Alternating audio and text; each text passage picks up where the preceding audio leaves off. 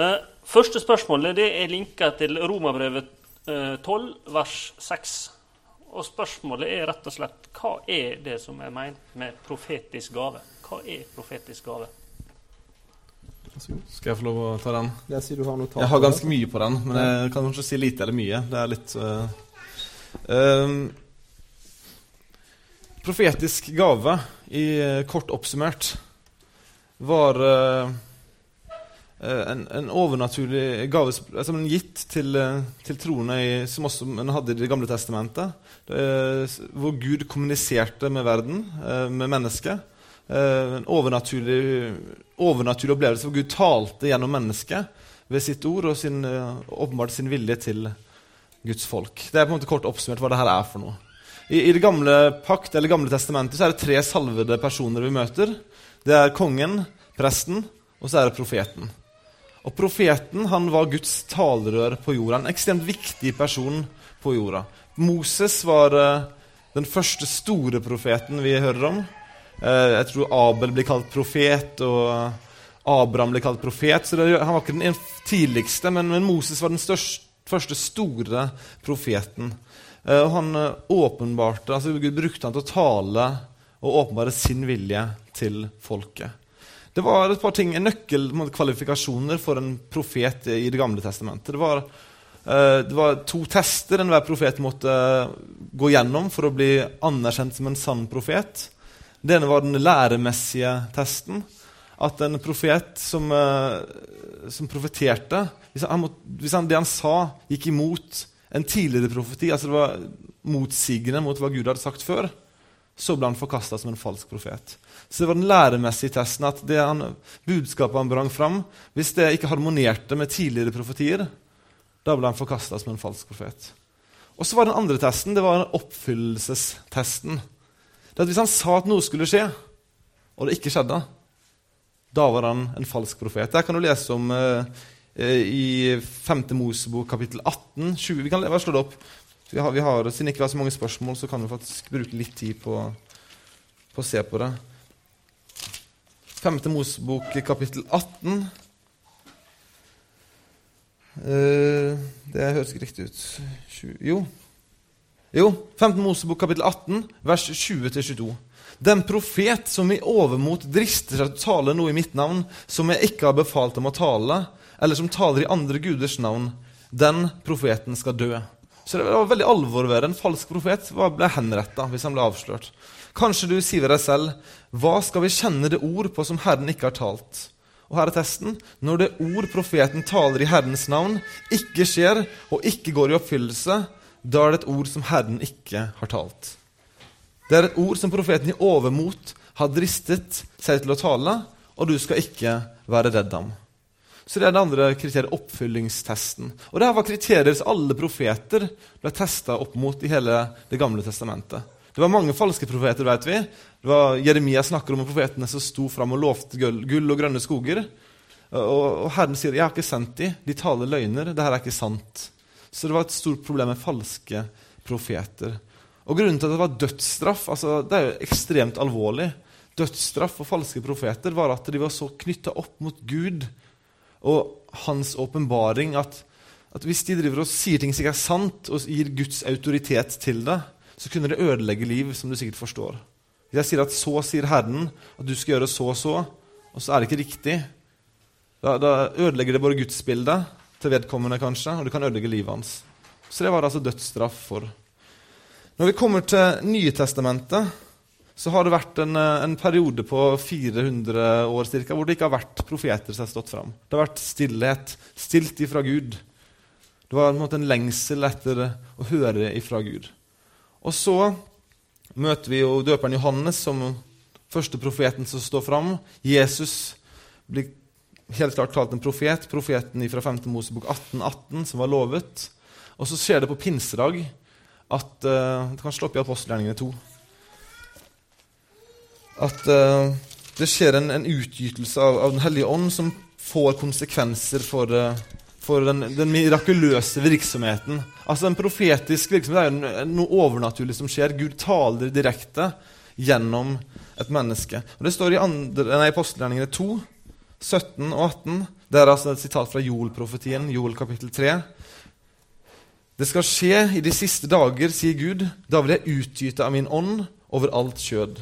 Deres sønner og deres døtre skal tale profetiske ord. Og deres unge menn skal se syner, og de gamle blant dere skal ha drømmer. Selv over mine trelder og trellkvinner vil jeg i de dager utgyte av min ånd, og de skal tale profetiske ord.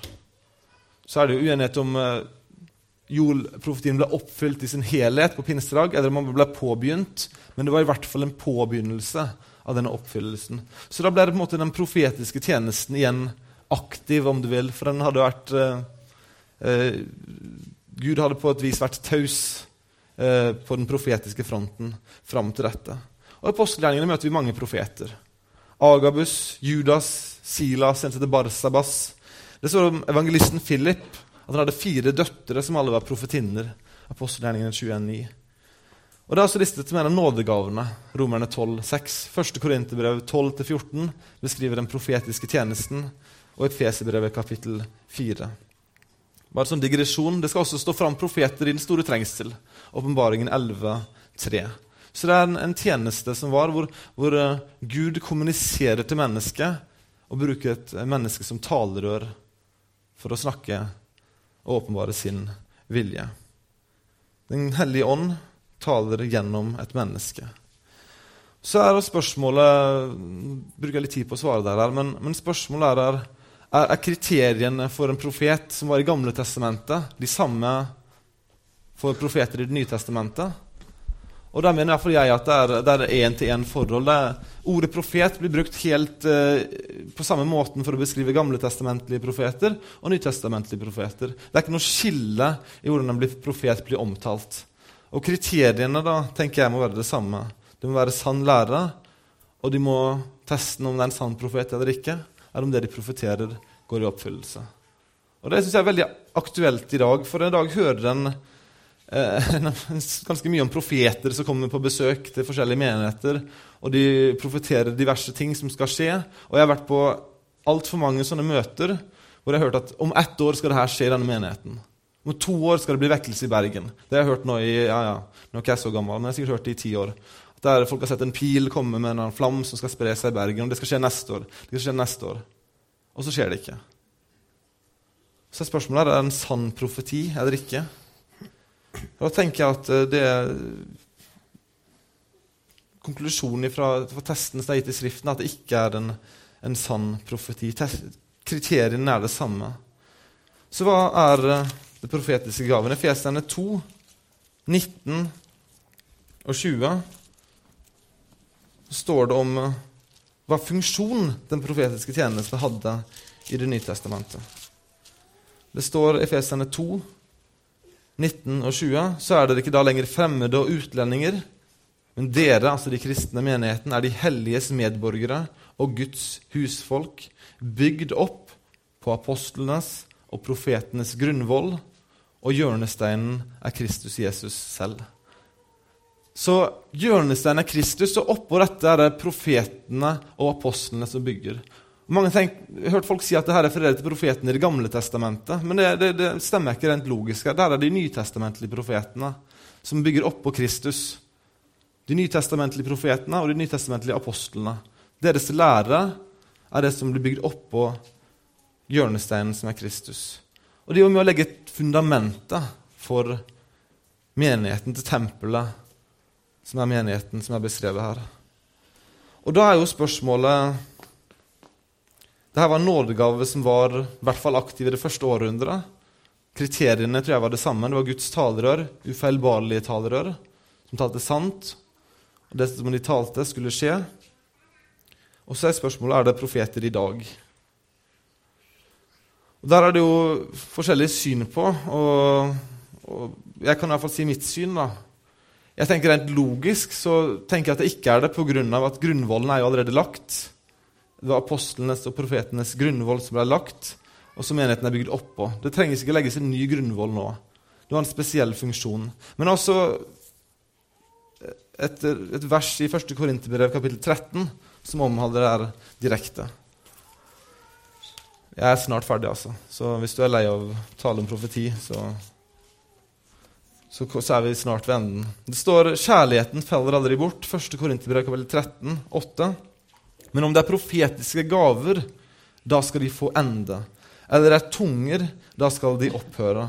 Eller er kunnskap, skal den ta slutt. For vi forstår stykkevis, og vi taler profetisk stykkevis. Men når det fullkomne kommer, da skal det som er stykkevis, få ende. Så vi vet i hvert fall at en gang skal det falle bort. En gang skal profetisk gave falle bort. Og en gang skal tungetall eller språkgave falle bort. Og det som er kunnskapsgave, skal falle bort. Så spørsmålet er når skjer det? Og Det skjer når det som det står, det fullkomne kommer. Og Da er det store tolkningsspørsmålet hva er det fullkomne? Og det som uh, gjør at uh, en kommer litt skjevt ut, tror jeg, er at ordet 'fullkomne', teleion på gresk, betyr, kan bety fullkommen eller perfekt, men det kan også bety moden eller fullvoksent. Så det kan enten, som mange tenker, at det refererer til Jesu hjemkomst, og i så fall er gaven aktiv i dag, men det kan også referere til menighetens modenhet, når menigheten modnes. Og Grunnen til at jeg tror det er menighetens modenhet, er at det samme ordet er brukt i Efeserne 4, 11-14, som også omtaler nådegavene og profetisk gave. Jeg skal bare avslutte med å lese det, og så konkluderer iallfall jeg på hva jeg tenker om det. Efeserne 4, 11-14.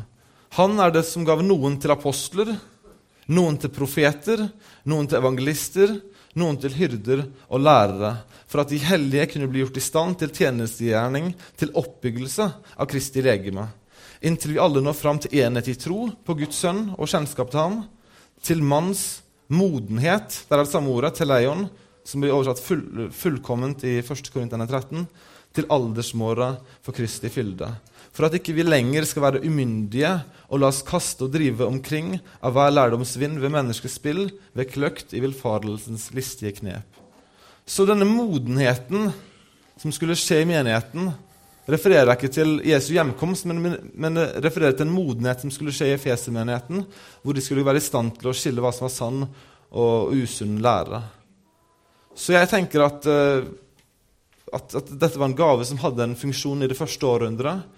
Guds ord ble manifestert gjennom apostlene og profetene, eh, nedskrevet. Og Så ble grunnvollen lagt, og så er denne opphørt eller stoppet for en periode. Det er iallfall sånn jeg forstår det. Og det betyr ikke tenker jeg, at det aldri mer kan skje, komme et profetisk ord. Men jeg tror det som nådegave som er aktiv i menigheten, så tror jeg den er opphørt. Så det er mitt, eh, min, holdt jeg på å si, eh, min forståelse av det. Jeg tror ikke det refererte til at kanoen var ferdig i 325. Det er mange som sier det. Det syns jeg blir altfor eh, Jeg tror det drar det altfor langt. Jeg tror det handler om når menigheten modna, når den hadde gått gjennom en overgangs, etablerings- og overgangsfase. Og, da, å tidfeste det nøyaktig jeg, jeg tror jeg er uvist, men kanskje mot slutten av det første århundret, eller ja, når modenheten, når ting var ferdigskrevet, og når, når, denne modenheten hadde kommet. Har du noe tilføye, David? Ja, jeg er jo ikke helt enig med deg, da. Nei da, men da får du lov til å skyte med det. ja. Nei, men, men, jeg er nokså enig, da. Hvis det er en trøst. Ja, det er litt, det er litt trøst, i hvert fall. Nei, men, men, jeg tror det at, at, profeter er en del av grunnmuren som står i, i, um, i Efeserbrevet 4. Og hvis en ser på, på hva, hva, var poenget med, med profeti, så synes jeg, for meg er det en god illustrasjon med, med de to profetene som kommer i Nehemja, Haggai og Zakaria. For deres funksjon er å sette mot i folket, sånn at de kommer til å, å få iver igjen til å bygge. Han ene han snakker inn i deres situasjon, setter fingeren på noen ømme punkter. Hvorfor forholder dere på å bygge på deres eh, egne hus, og de, de står tipp topp ferdige, mens Guds hus ligger i ruiner, osv.? Mens han andre Zakaria han gir noen lange linjer inn i framtida. Og det er jo det vi vanligvis forbinder med profeti når vi tenker, så tenker vi på noen som, for, som forutsier spår om framtida. Men, men hele Sjøl de snakker, inn i en, de snakker ord ifra Gud inn i en situasjon, ord i, i rette tid. Og jeg tror vi har et eksempel på det i Det nye testamentet. Der vi har en, en som heter Judas, som setter seg ned, eller satt, og så, så skrev han. Han var opptatt i vers 3 ivrig opptatt med å skrive til dem om deres felles frelse. Det som, alle, som vår felles frelse, det som alle kristne har felles. Det som er sant til alle tider og i alle situasjoner. Men mens jeg holdt på med dette, så fant jeg det nødvendig å skrive til dere for å formane dere til å strie for den tro som en gang er for alle overgitt til de hellige. Det oppsto en situasjon, og det begynner han å beskrive, for noen mennesker har sneket seg inn. Og så ble det behov for inn i den situasjonen å tale profetiske ord. Og Det interessante det er at det Judas stort sett sier det er noe som en annen profet i Det nye testamentet talte, nemlig Peter i andre Peters brev. Peter sier dette kommer til å skje i framtida. Judas sier nå har det skjedd. Men begge deler tror jeg er profetisk tale. Og det er situasjonsbetinget. Et, et, eksempel for meg det er, er ta åpenbaring, sendebrevene i åpenbaringen. Det er sju forskjellige menigheter med sju forskjellige problemer. Og Hvis du skal undervise i åpenbaringsboken, hvis det er tema på Bibelfokus et år, så vil vedkommende som forkynner, vil undervise om alle de sju brevene. Vår felles frelse og helheten i det. Men hvis jeg sier til sto i menigheten i Laudikea, og så leste jeg ordene som ble sagt til Philadelphia til dem, og så sa at dette gjelder dere, så ville jeg vært en falsk profet. Da snakket jeg urett. Da sa jeg at alt er bra. Det, det, det, er bra med dere. Stå på. Mens egentlig så, så, var de ordene de skulle ha hørt, det var jeg står utenfor og banker på døra. Og i den helt grunnleggende betydningen av profetisk tale tror jeg er det. Det er ord ifra Gud. Det er ei last. Det blir kalt ei byrde i Det gamle testamentet. Noe du må bli kvitt. Noe du må få legge ifra deg, noe du blir av med. Og det er noe som heter profetisk tale i 1. Korinterbrev 14, der det også står at dere kan alle tale profetisk. Og den som taler profetisk, kan tale til oppbyggelse, formaning og trøst, akkurat som Haggai og Zakaria gjorde. Og den typen profeti tror jeg finnes i dag. Ikke den som legger til noe til Bibelen, ikke den som kommer med ny informasjon, men den som blir minnet på noe. Noen ord som skal sies inn i en situasjon. En som ser, en som kjenner tidene og, og ser. Så jeg tror Den formen eksisterer i dag. Men, men den uh, type profeti som profeten, profeten Peter, som skriver i 2. Peters brev, det er ferdig. Det er grunnmuren. Grunnmuren blir bare bygd én gang på et hus. En bygger ikke den flere ganger. Så, så kan, det, kan, en diskutere detaljer i mange timer, mm. sikkert, men eh. Noen spørsmål, oppfølgingsspørsmål på akkurat uh, det? på en måte? Det er noe som uh, Ja?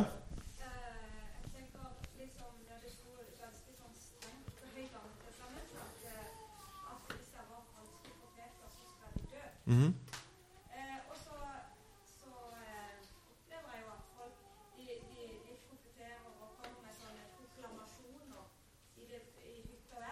Mm -hmm. Og det, det, det, er liksom Det er enormt masse, da. Og, og det, det, er litt sånn skummelt, da. Hvis det, hvis, men er det en annen Du sa snakk om at profetisk kaller seg profeter. Men, men skal de som har mandat til profetisk tale, er de profeter, eller er det er, uh, Hvor skal vi plassere de folka? Det, det er folk som kaller seg for profeter, da. Uh, og så, hvordan skal man uh, jeg kan gi mitt perspektiv på det, og så kan du ta, ditt etterpå. hvis du har noe annet enn meg. For mitt er, jeg, er ganske kategorisk på det her. Hvis en person står fram og sier han er en profet og har et budskap fra Gud, og sier at noe skal skje som ikke skjer, eller han sier noe som er usant ifølge Bibelen, så er han en falsk profet.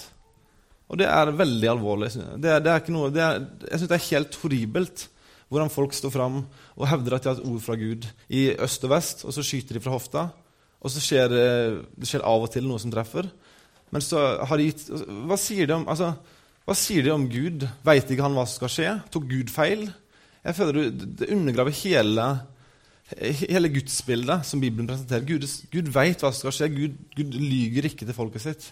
Så, eh, jeg vet ikke om det omtaler akkurat situasjonen din, men jeg syns det er noe en skal ta opp med dem. Altså, vi skal ikke drepe noen pga. det her. Vi lever ikke under den gamle pakten mer. Vi, vi, er ikke et teokrati, som jeg nevnte før i dag.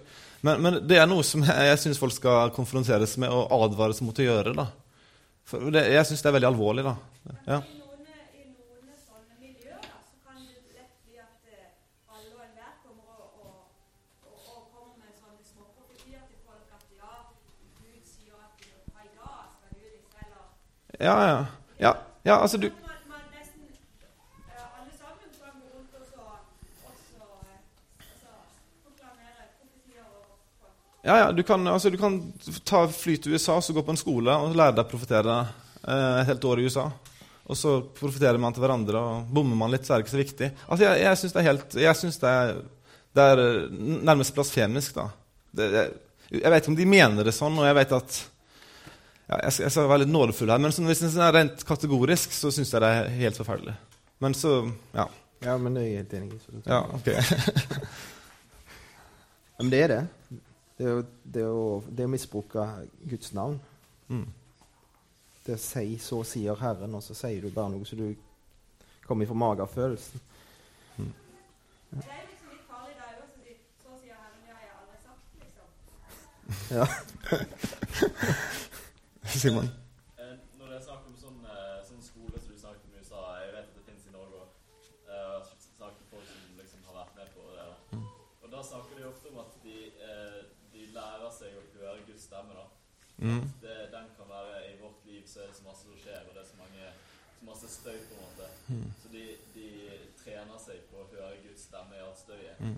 og oppdage den. på en måte. Og at det, det eh, er kanskje mer den typen profetering som er ikke liksom ja, det, det kan jo sikkert være hva som helst, men ofte sånn at du skal si rett ting i et uh, situasjon der liksom, og møte en på gaten, og du føler at du skal si noe mot ham og sånne ting. Ja. Ja. Det er jo ofte det som er på en måte unnskyldningen. da, sånn er at ja, vi, vi er nødt til å trene opp for å høre Guds stemme i alt støyet. Mm. Og, og, så det kan hende at liksom de, de, så Jeg skal ikke putte alle under kam her. Det er nok mange som kanskje bruker er litt uheldige hvordan de pres presenterer at de har en profeti fra Gud, men det de egentlig mener, er at de har det vi verbedelsfolket kaller det. De har en uh, blir på et, de ble minnet om et eller annet. Sant? Det er jo sånn, De konservative beskriver det samme på. Jeg, fikk, jeg ble minnet om et eller annet, og så deler vi det. Og han andre sier 'Gud sa til meg Ja, ja de, de presenterer det på forskjellige måter. De mener kanskje det samme. da.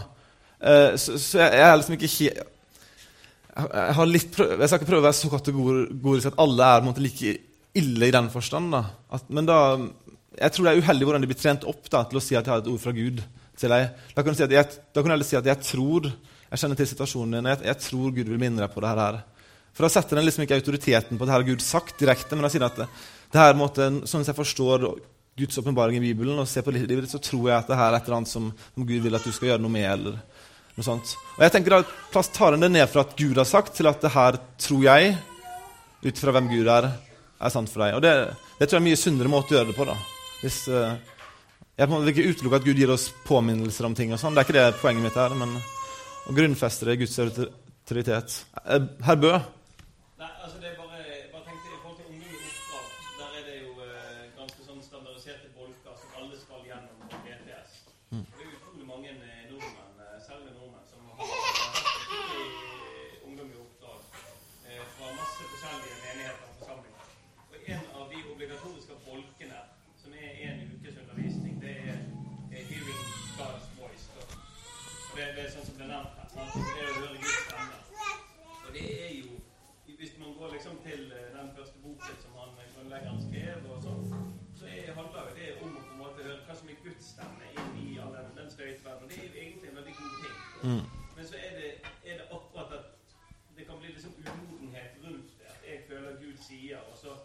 Nesten umerkelig så blir det en slags eh, fremlagt som et profetisk budskap. Mm.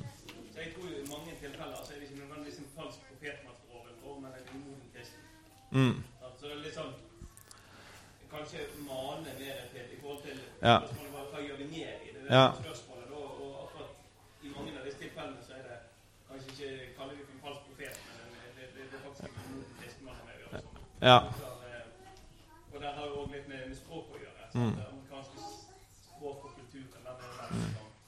Og der har kanskje da eventuelt deres undervisere eller lærere et større ansvar da, enn de umodne kristne, kanskje, og, i forhold til hvordan en tilrettelegger det.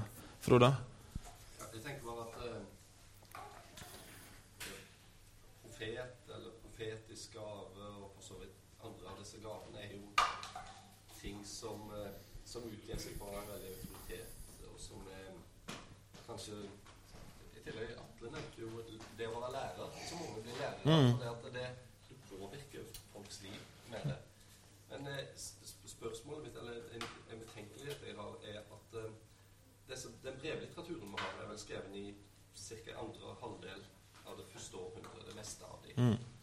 Og uh, dette er på en måte Gud har jo sett at vi skal leve i et par tusen år etterpå. Og det er jo ikke alt som er skrevet til oss i Bibelen, det ser jeg. Men at han eh, i en så vesentlig del av det som er skrevet til oss, beskriver noen gaver som er i ferd med å opphøre. Det syns jeg er litt sånn bare, Jeg bare liksom syns som personlig at det er vanskelig å se. Folk Paulus skrev sikkert noen andre brever som ikke er blitt med i kanoen. Hvorfor har de ikke fått vite av det der, de det gjelder? Hvorfor eh, blir det skrevet til oss hvis det er på en måte i ferd med å feide ut? Altså, hvorfor, er nå, hvorfor er nådegavene til f.eks. profeti eller mirakler Ja. nevnt hvis ikke det er for oss? Ja, ja jeg synes det er bare sånn eh, Det er bare en sånn eh, Den tanken har slått meg at det virker litt sånn eh, Virker litt rart at Gud ønsker å, fortelle oss det i Skriften hvis det er i ferd med å feide ut. Mitt uh, ja. Sorry, nå snakker jeg mye her. Du får bare gi meg et, gi meg et stikk i sida Jeg, hvis Ja. det, er bare egentlig bare en sånn eh, Er det noen som har, tenkt noe på det? Hvorfor har han gitt oss det hvis det, det var på en måte på vei ut allerede når det ble skrevet? Min ta, take on it syn på det at det er, det er ikke gitt det er, det er gitt, men det er ikke gitt primært til oss. Romerbrevet er gitt til menigheten i Rom i det første århundret. Første korinterbrev er gitt til menigheten i Korint i år 50. Hvor gavene var aktive, og de trengte å få instruksjon i. Altså det nå, nå tar antar jeg tar fra mitt ståsted da. At, så, så jeg, selv om Og det var veldig viktig at jeg fikk den instruksjonen da disse gavene var funksjonelle, da, eller i sin fulle blomst, om du vil. da. Da, Uansett hvor den står, så er jeg vel i hvert fall enig i at det var mer av det før. selv om man ikke tenker, Ja, uansett. Så, så jeg tenker at det Det betyr ikke at det er irrelevant for oss. Det, vi kan lære mye om det, og, og sånne ting, men, men primært så er det skrevet til konkrete menigheter. Eh, og så er det jo gitt til hele kristenheten som Guds åpenbaring. Men, men de konkrete spesifikasjonene i, i Romerbrevet og, og første Korinterbrev og alle de andre brevene må jo først forstå deres, forstås i deres kontekst, som er til en lokal forsamling i det første århundret. Men, men generelt, uten å gå inn på, inn på det, jeg tror ikke vi skal gå i mye mer i detalj, så, så må jo de altså, Hva er tungetale, altså, eller språktale, eller hva du kaller det for? Hva er kunnskapsord? Hva er visdomsord? Hva er profetisk tale i, i første Korinterbrev? Det må du i første omgang prøve å forstå ut ifra konteksten i første Korinterbrev. Hva, hva menes med det? Og alt etter hva du finner ut der, så vil òg forståelsen av første Korinterbrev 13 som du refererer til, forandre altså, den, Det kan være at du finner ut ok, det, kanskje det er noe som, som finnes i dag. Og kanskje det ikke er helt det samme som karismatiske kristne mener og tenker på når de hører de ordene. Så det er noe vi må, må finne ut av, og det er jo et godt spørsmål, det som du stiller. Og, og det som også er et godt spørsmål, er jo hva altså En ting er at eh, Bibelen var ferdig i år eh, et eller annet, sant? Og, og, og menigheten var modna, sånn som du sier. Men samtidig så var jo ikke Bibelen tilgjengelig for folk flest før eh, på, på 1500-1600-1700-tallet her i Norge, ikke før på slutten av 1800-tallet. Så eh, da trengte kanskje det jo Kunne du argumentert for at det jo trengte profeter i Mm. Iallfall helt til de fikk eh, Mm. Så, så det, det er ikke Men jeg tror jeg skal være klare på det. Det mener jeg iallfall jeg er viktig. At det, da, når Gud har sagt at han legger en grunnmur sier, altså, det, det, det, uttrykket 'Herrens apostler og profeter' det, det ble brukt eh, i, i Efeserbrevet. Det, det sier jo Jesus profetisk i Markusevangeliet, der han skal sende apostler og profeter til dem. Og det handler om å legge grunnmuren, og det skjer en gang for alltid. Og det er ferdig. Det er det vi bygger på. Og alt vi, alt skal, alt arbeid som skjer i Guds forsamling, skal, må hvile og ha sin autoritet i grunnmuren. Hvis noe ligger utenfor den grunnmuren, så er det på, på et Det er ikke fundamentert. Ja. Ja. Det var flere som har kommentarer, men da må vi kjappe, faktisk. Eh, Jeg bare hadde altså, med tanke på eh, dette med profeti, eh, så tenker jeg at når ordet eh, profeti er det samme nå brukt i Bru- Nye Testamentet som har vært brukt gjennom hele Gamle Testamentet, så vil det være logisk å tenke at det som følger det samme ordet, vil egentlig være det samme i natur. da. Hvis det på en måte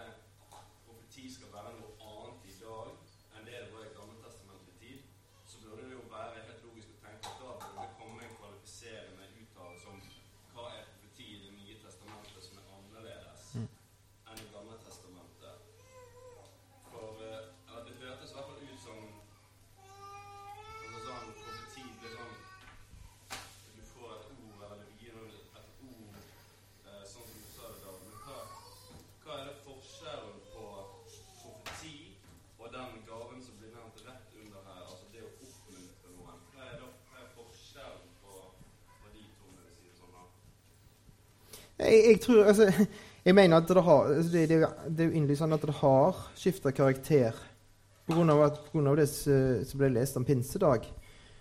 Der ifra at eh, Den hellige ånd var noe som var for et fåtall i Det gamle testamentet, for noen spesielt utvalgte, så er Den hellige ånd noe som bor i alle troende. Og det som Joels profeti sier, det er jo at alle typer folk, i alle sosiale lag, og alle skal kunne bl.a. taler profetisk. Og, og I Det gamle testamentet det er en annen karakter over det. Det, det er liksom den, den utvalgte som kommer med Guds ord. Og det er, del, det er blitt en del av Bibelen. Og, og apostlene og profetene i Det nye testamentet er blitt en del av eller deler av det de skrev og sa, er blitt en del av Bibelen. Men når, når, jeg tror ikke det er det som er meint når, når Paulus sier at dere kan alle tale profetisk. At det er noe som kunne blitt med i Bibelen, det som de sa.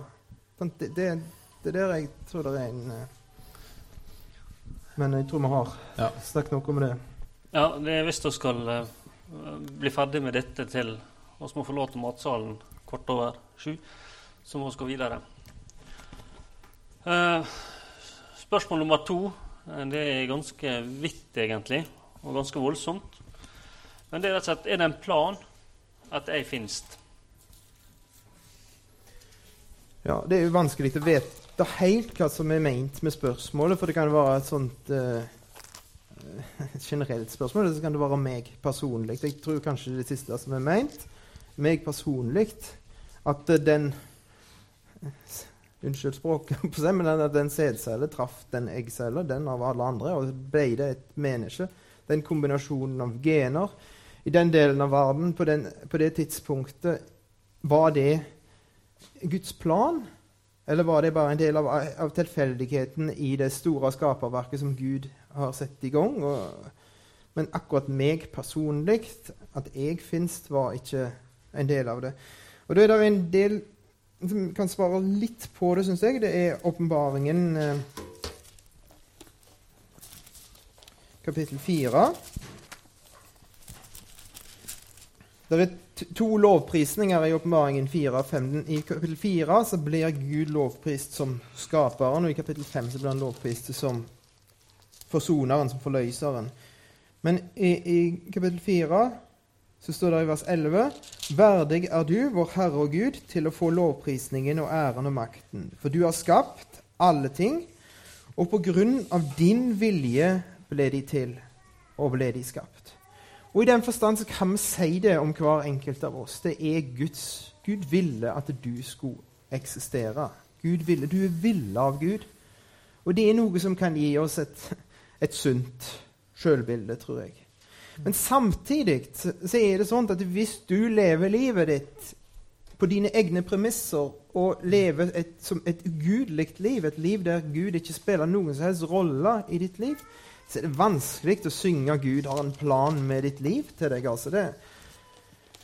Men det som ikke er vanskelig, det er hvis at du har tatt imot. Hvis du er en av de som tror, som har omvendt seg, og som tror på evangeliet, som har hatt dem i romerbrevet, da står det om deg i romerbrevet at Gud allerede før du ble født, hadde deg i tankene.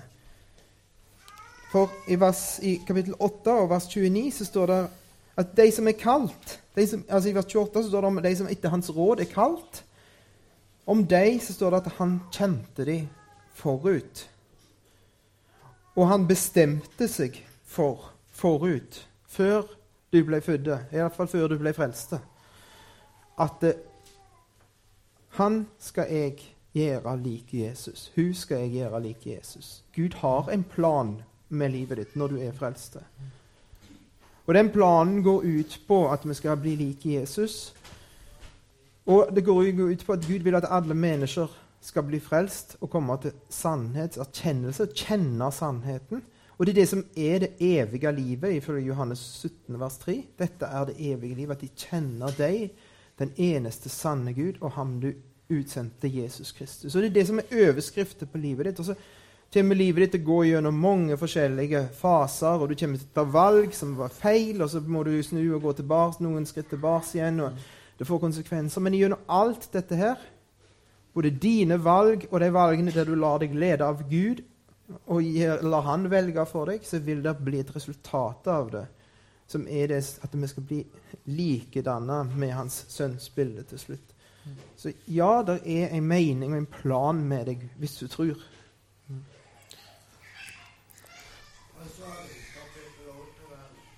Fra vers 28 og eh, Nei, fra vers eh, ja, 20, 28 og nedover. Jeg legger til bare litt. Hvis det er, jeg, stiller meg bak alt du sier, holdt jeg på å si. Men eh, jeg skal bare legge til at, at alle mennesker som er på denne jorda, er skapt i Guds bilde. Og, og det, det betyr at du som menneske er noe helt annet enn et dyr er. Et dyr er ikke skapt i Guds bilde. Et dyr vitner om Guds storhet, men du som menneske bærer egenskaper og funksjoner som ingen andre skapninger gjør.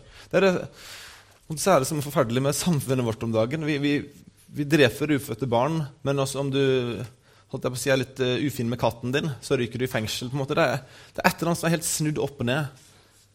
Katten din må være snill med katten din, men det, mennesket skapt i Guds bilde har en iboende verdi. Bare det at det er menneske.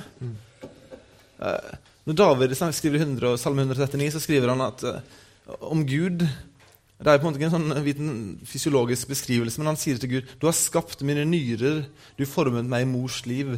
Jeg priser, de, priser deg fordi jeg virket på forferdelig, underfullt vis. Underfulle er dine gjerninger, det vet min sjel så vel. Altså, David ser tilbake på, måte på, på begynnelsen av hans liv, at, at Gud var aktiv i å forme celleklumpen, om du vil, og skape et menneske fra unnfangelsen av. Og, og,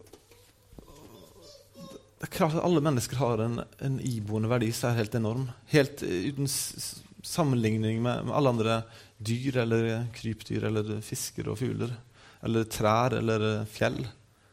Det er skapt i Guds bilde. Det er skapt for forskjellige konkrete ting. Det er skapt for arbeidet. Det er skapt for å ha fellesskap med mennesker. Det er skapt for å råde over skaperverket. Og så er det skapt først og fremst for å ha fellesskap med Gud. Så det er, jeg, er datt jeg litt vekk fra spørsmålet, men jeg har lyst til å bare si litt om, om det òg. Mm. Siste av de innkomne spørsmålene, så rekker oss å kommentere på det også, er dere.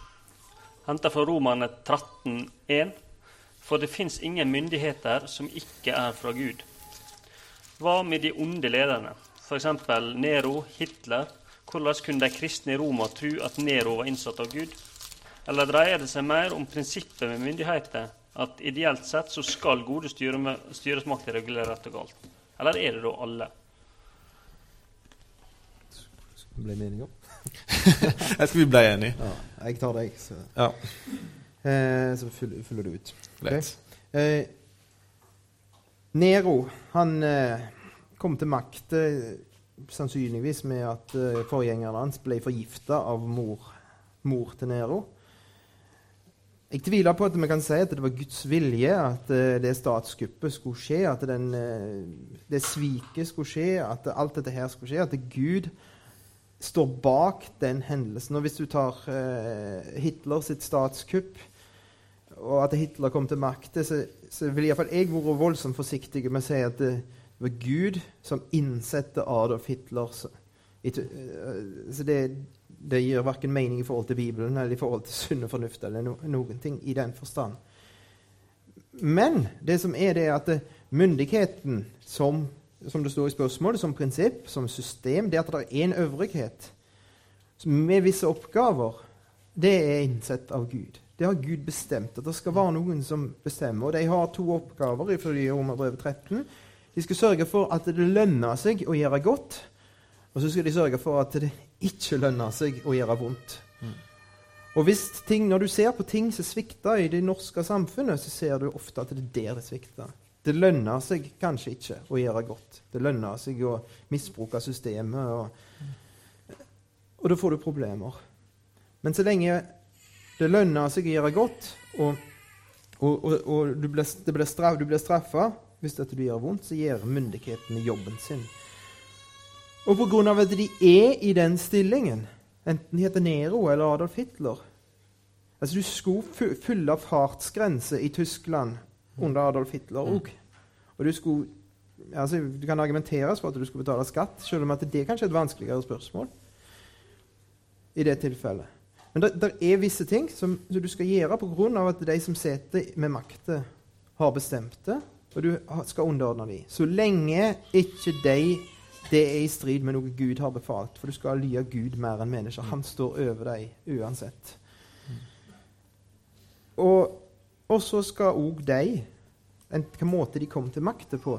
Uansett om de ble valgt av folket, eller om de begikk statskupp, så skal de stå til, stå til ansvar for Gud. For det de har gjort. Og Gud skal dømme dem, og Gud skal sørge for rettferdighet. Men så er det vanskelige spørsmål som altså, Hva skulle du gjort? Altså, Bonhoeffer han var med på et attentatforsøk mot Adolf Hitler. Var det rett eller ikke? Eh, store deler av kristenfolket i Tyskland underordna seg i en så stor grad at det ble ikke motstand imot en tyrann som Hitler. Var det rett? Det er et stort spørsmål. Ja, nei, jeg ikke Jeg jeg er helt enig. Men jeg kan også bare supplere at uh, Det her er jo skrevet til og med hvor Nero faktisk var lederen, så det er på en måte ikke Vi kan ikke si at det er kun en rent hypotetisk eh, prinsipp som blir lært av. Det er et prinsipp, det er prinsippet som er det viktige for oss. At en skal underordne seg myndigheten. Men, men Paulus skrev ikke til romerne dere skal underordne dere myndigheten, men, men ikke Nero. Det, han legger ikke inn en sånn kvalifikasjon. Dette gjaldt i situasjonen de var i. Og Da var det en, eh, en despot som var på tronen. Men da, som, som David sier, Nero gjorde et par forferdelige ting. Sant? Han brente byen. Eh, forferdelig opp Behandla kristne på grufullt vis. Men altså, det var jo mye andre lover og regler som sikkert var på en måte gode lover, som han var ansvarlig for som statens hode.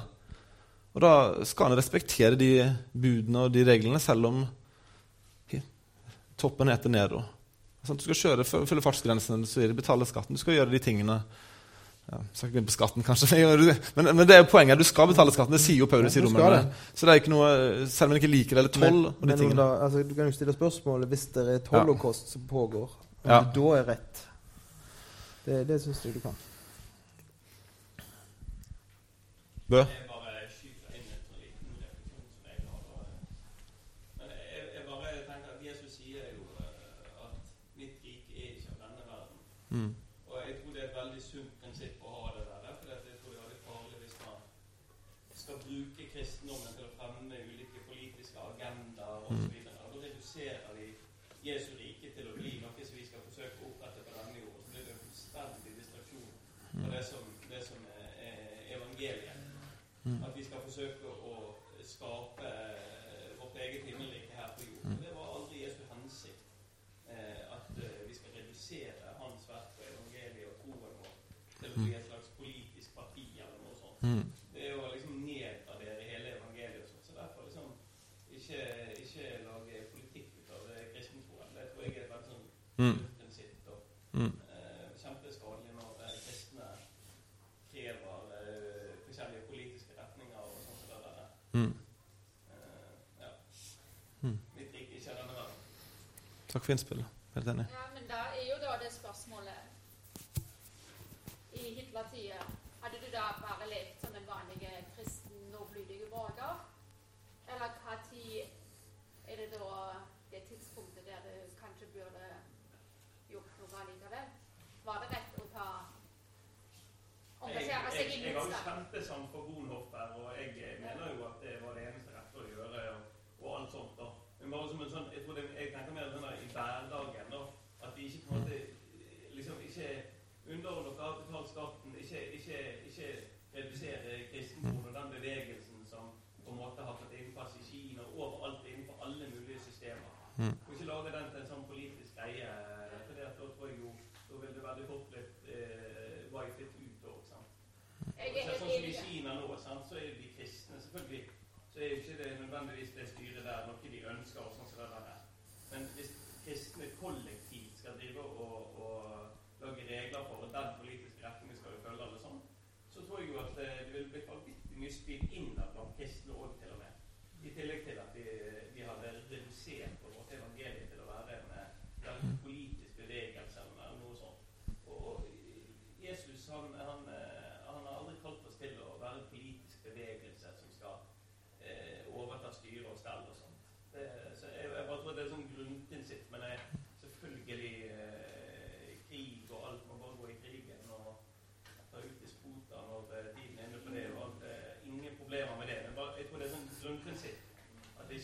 lage politikk ut av Jesus. For det var ikke, det var ikke målet med hans eh, komme. Tror du? Ja, eh, jeg har jo sagt i forrige spørsmål at romerbrevet var jo kanskje først og fremst skrevet av romerne. Eh, Paulus eh, Jeg sier det at eh, det var sagt i forrige spørsmål at romerbrevet kanskje var i, i første omgang skrevet til romermenigheten. Og Paulus han benytta seg jo av en borgerrett som han hadde til å anke sin sak inn for keiseren. Det var et system, en ordning, selv om Nero han hadde jo ikke, det, Forfølgelsen var ikke ennå starta da. sant? Og, og det, det er skrevet inn i en situasjon der det faktisk fins rettigheter, og der det er et system. Og jeg syns det som var sagt tidligere om akkurat dette, det var veldig bra. At eh, myndighetene er satt for å forvalte på en måte sånn at vi eh, Gode ting, sånn at det, at det, blir ivaretatt, at ikke ting blir helt lovløst. Da, da. Eh, så blir det veldig hypotetisk, da, da, for nå lever vi i et uh, system i Norge. Noen kunne jo si at vi har et holocaust i Norge. Ja, du kan det. kunne, men det blir veldig sånn relativisert at jeg mener at de gjør ting som gjør at jeg ikke kan støtte dem, som gjør at jeg vil gå imot dem. Men vi har faktisk rettigheter i landet vårt. Det er veldig mange land som har rettigheter til å si ifra. Og til å appellere vår sak, eller si vår mening, eller hun benytte en stemmeseddel til å, til å gjøre noe. Og det, eh, det er en rettighet som jeg tror Gud har gitt oss i et demokrati, som Paulus benytter seg av. Og det, det kan vi gjøre. da. da. Men ellers så, så tror jeg at han, han, han sa om det noe i, i teromerne. Og de hadde et system der det faktisk var rettigheter og muligheter som gjorde at det var godt å leve av det. Jeg syns det er vanskelig, jeg synes det er forferdelig vanskelig å, å, og begynne å anvende dette på, på Hitler eller på Pol Pot eller på Stalin. Altså det er utrolig vanskelig å og En kan lett mane seg inn i et hjørne, tror jeg, altså, hvis en skal forsvare disse folkene. Jeg tror i hvert fall en kommer over på det feltet Hvis en måtte komme til det punktet hvor en skal starte revolusjon, så går man til det fra å ha et klart ord i Bibelen til å måtte gjøre en skjøn, skjønnsmessig vurdering. Det er det. Det er kommet til et punkt hvor en må veie argumentene mot hverandre. Jeg vet uh, mange amerikanske kristenledere sier at den amerikanske revolusjonen var en, på en måte en syndig revolusjon. De skulle aldri gått i opprør mot britene, egentlig. Men så er det jo, nå er de jo glad for at det skjedde, sant? så det er litt sånn Jeg tror ikke en kommer helt til bunns i det der, egentlig. da. Det er en, en skjønnsmessig vurdering som gjøres hver gang, og hver, og hver enkelt.